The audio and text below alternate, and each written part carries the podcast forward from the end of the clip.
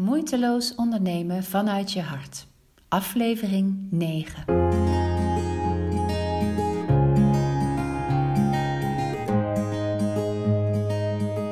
Iets heel gaafs maken waar je razend enthousiast over bent. En dan heel veel mooie klanten vinden die er zo mogelijk nog enthousiaster over zijn. Zorgeloos ondernemen en moeiteloos klanten vinden. Dat is natuurlijk het mooiste dat er is. Maar de meeste ondernemers beginnen niet zo. Een bedrijf bouwen kost tijd. En ook als je al langer onderneemt misschien, dan verandert je aanbod over de jaren heen met je mee. En dan kun je opnieuw weer voor die uitdaging komen te staan. Dat je steeds opnieuw weer nieuwe klanten moet blijven vinden voor jouw aanbod. Er zijn een aantal dingen die je wat mij betreft heel bewust kunt doen om aanbod te creëren dat zichzelf verkoopt. En ik noem dat co-creëren met klanten. En ik doe het heel bewust in mijn beide bedrijven.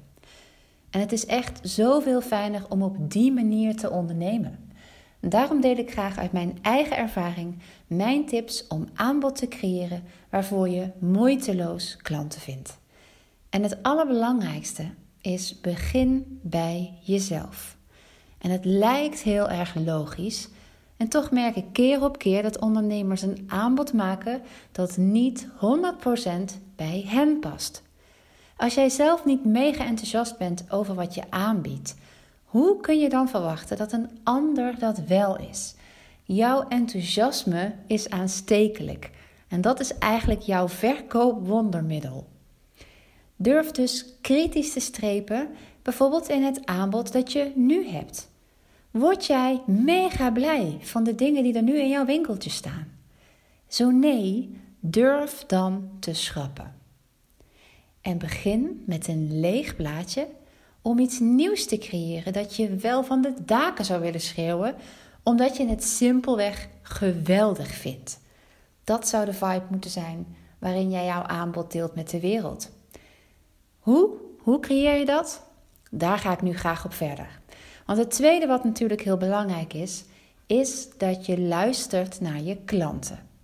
Mijn collega business coaches en ik adviseren niet voor niets om aan te bieden waar je klanten om vragen. Vaak is het ook echt zo dat klanten en volgers eigenlijk al lang overduidelijk schreeuwen om iets wat jij nu nog niet aanbiedt. Een slimme manier dus om aanbod te maken dat zichzelf verkoopt, is dat je luistert naar wat klanten vragen. Maar, want er is een hele grote maar. Zie het vorige punt. Jezelf.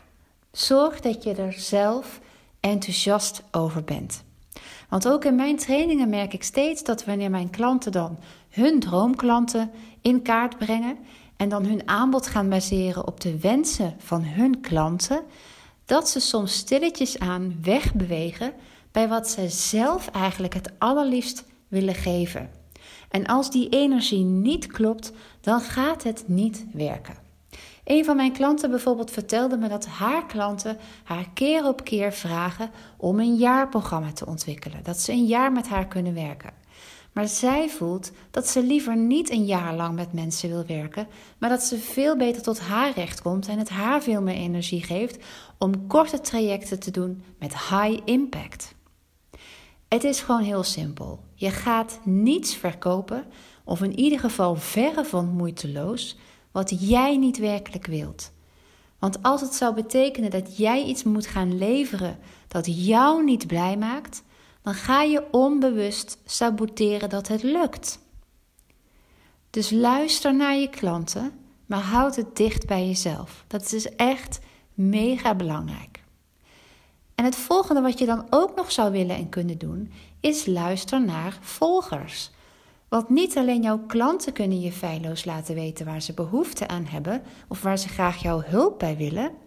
Ook jouw volgers geven jou hiervoor voortdurend signalen, als jij ze wilt zien tenminste. Dus hoe kun jij nu helder krijgen welke behoeften jouw volgers hebben?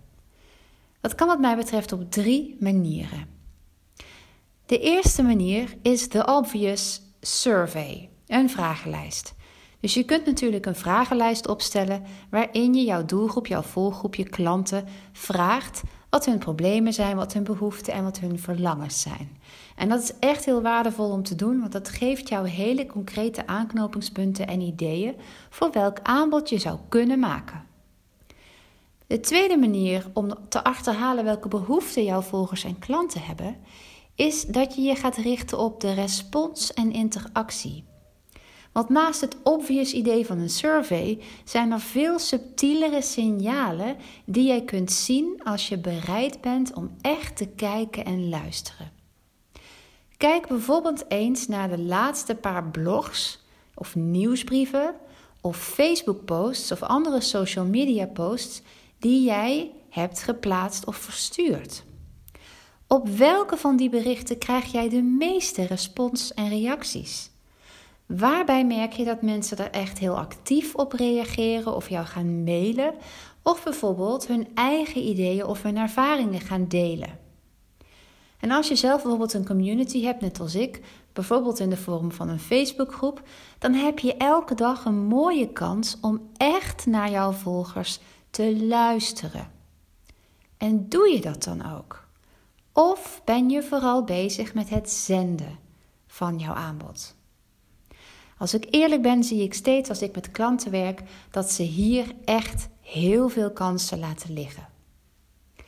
En een derde manier om te achterhalen waar jouw volgers en klanten behoefte aan hebben, is dat je een soort radar ontwikkelt om de ontwikkelingen te zien in jouw vakgebied en markt. Natuurlijk maken jouw bestaande klanten en ook zichtbare volgers, dus mensen die echt op je lijst staan of die echt in jouw Facebook community bijvoorbeeld zitten, natuurlijk maken die mensen jou heel veel duidelijk over waarover jij een aanbod zou kunnen ontwikkelen. Maar er zijn ook mensen die jou bijvoorbeeld heel stilletjes volgen, of die nog helemaal niet volgen en die dus nog helemaal niet in jouw bereik zijn, maar die wel in jouw wat ik noem volgroep zitten. En je volgroep, dat is de groep mensen voor wie jij er bent en die ook echt geïnteresseerd zouden zijn in jouw aanbod, als ze jou kennen of zouden kennen. En dat zijn dus de mensen die jij graag zou willen vinden en waarvan jij ook hoopt dat zij jou vinden. En deze mensen die begeven zich nu ook al op allerlei plekken en uiten zich daar over hun verlangens en wensen. En als jij goed kijkt en luistert, wat geven zij dan aan? En ik zal een voorbeeld geven om je te helpen hoe jij hiervoor, uh, hoe je hiernaar zou kunnen gaan zoeken voor jezelf. Ik merk zelf altijd dat ik dan um, ineens op social media bijvoorbeeld allemaal vergelijkbare berichten en posts voorbij zie komen. Dan lijkt het net alsof iedereen zich op dat moment met hetzelfde bezighoudt of zich over dezelfde dingen uit. En het is dan vaak een thema wat heel erg zichtbaar wordt. Mijn training Ondernemen in Overvloed bijvoorbeeld, die is ontstaan doordat ik merkte dat het thema overvloed onder ondernemers overal ineens leek terug te komen. De verschillende gevoelens die mensen hadden over wat overvloed wel en niet is. Ehm, de aversie die ze hadden over zogenaamd dat we allemaal tonnen moeten verdienen. Of juist de aversie tegen de zweverigheid ervan. Het leek wel alsof in die week iedereen daar iets van vond. Of de wens had om meer met overvloed te doen. En dat was voor mij eigenlijk een, een soort zetje om die training ondernemen in overvloed te gaan maken. En zelf voelde ik namelijk ook al een poosje dat ik daar graag een training over wilde maken. Dus ga eens na voor jezelf. Welke bewegingen zie jij nou in jouw markt? Dus als het aankomt op jouw expertise, waar zie je dan dat mensen veel over praten, zich veel over uiten of misschien andere events die georganiseerd worden over dit onderwerp waar mensen geïnteresseerd in zijn. Dus dat geeft jou een heel duidelijk gevoel bij wat er op dit moment leeft bij de mensen voor wie jij er bent en waar jij misschien een aanbod op zou kunnen en ook willen ontwikkelen, want dat heb ik helemaal aan het begin gezegd.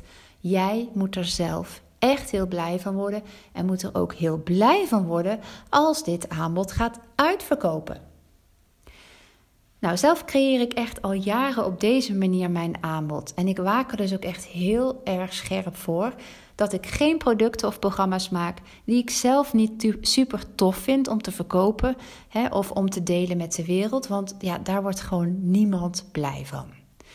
En bijvoorbeeld mijn droombedrijf Next Level programma en ook mijn Top Level Mastermind zijn hele mooie voorbeelden van programma's die echt ontstaan zijn omdat mijn klanten of volgers mij hier heel actief om vroegen en omdat het en dat is altijd heel magisch om te zien. Dat komt meestal heel mooi bij elkaar. Ook in beide gevallen ideeën waren waar ik al een tijdje mee in mijn hoofd rondliep.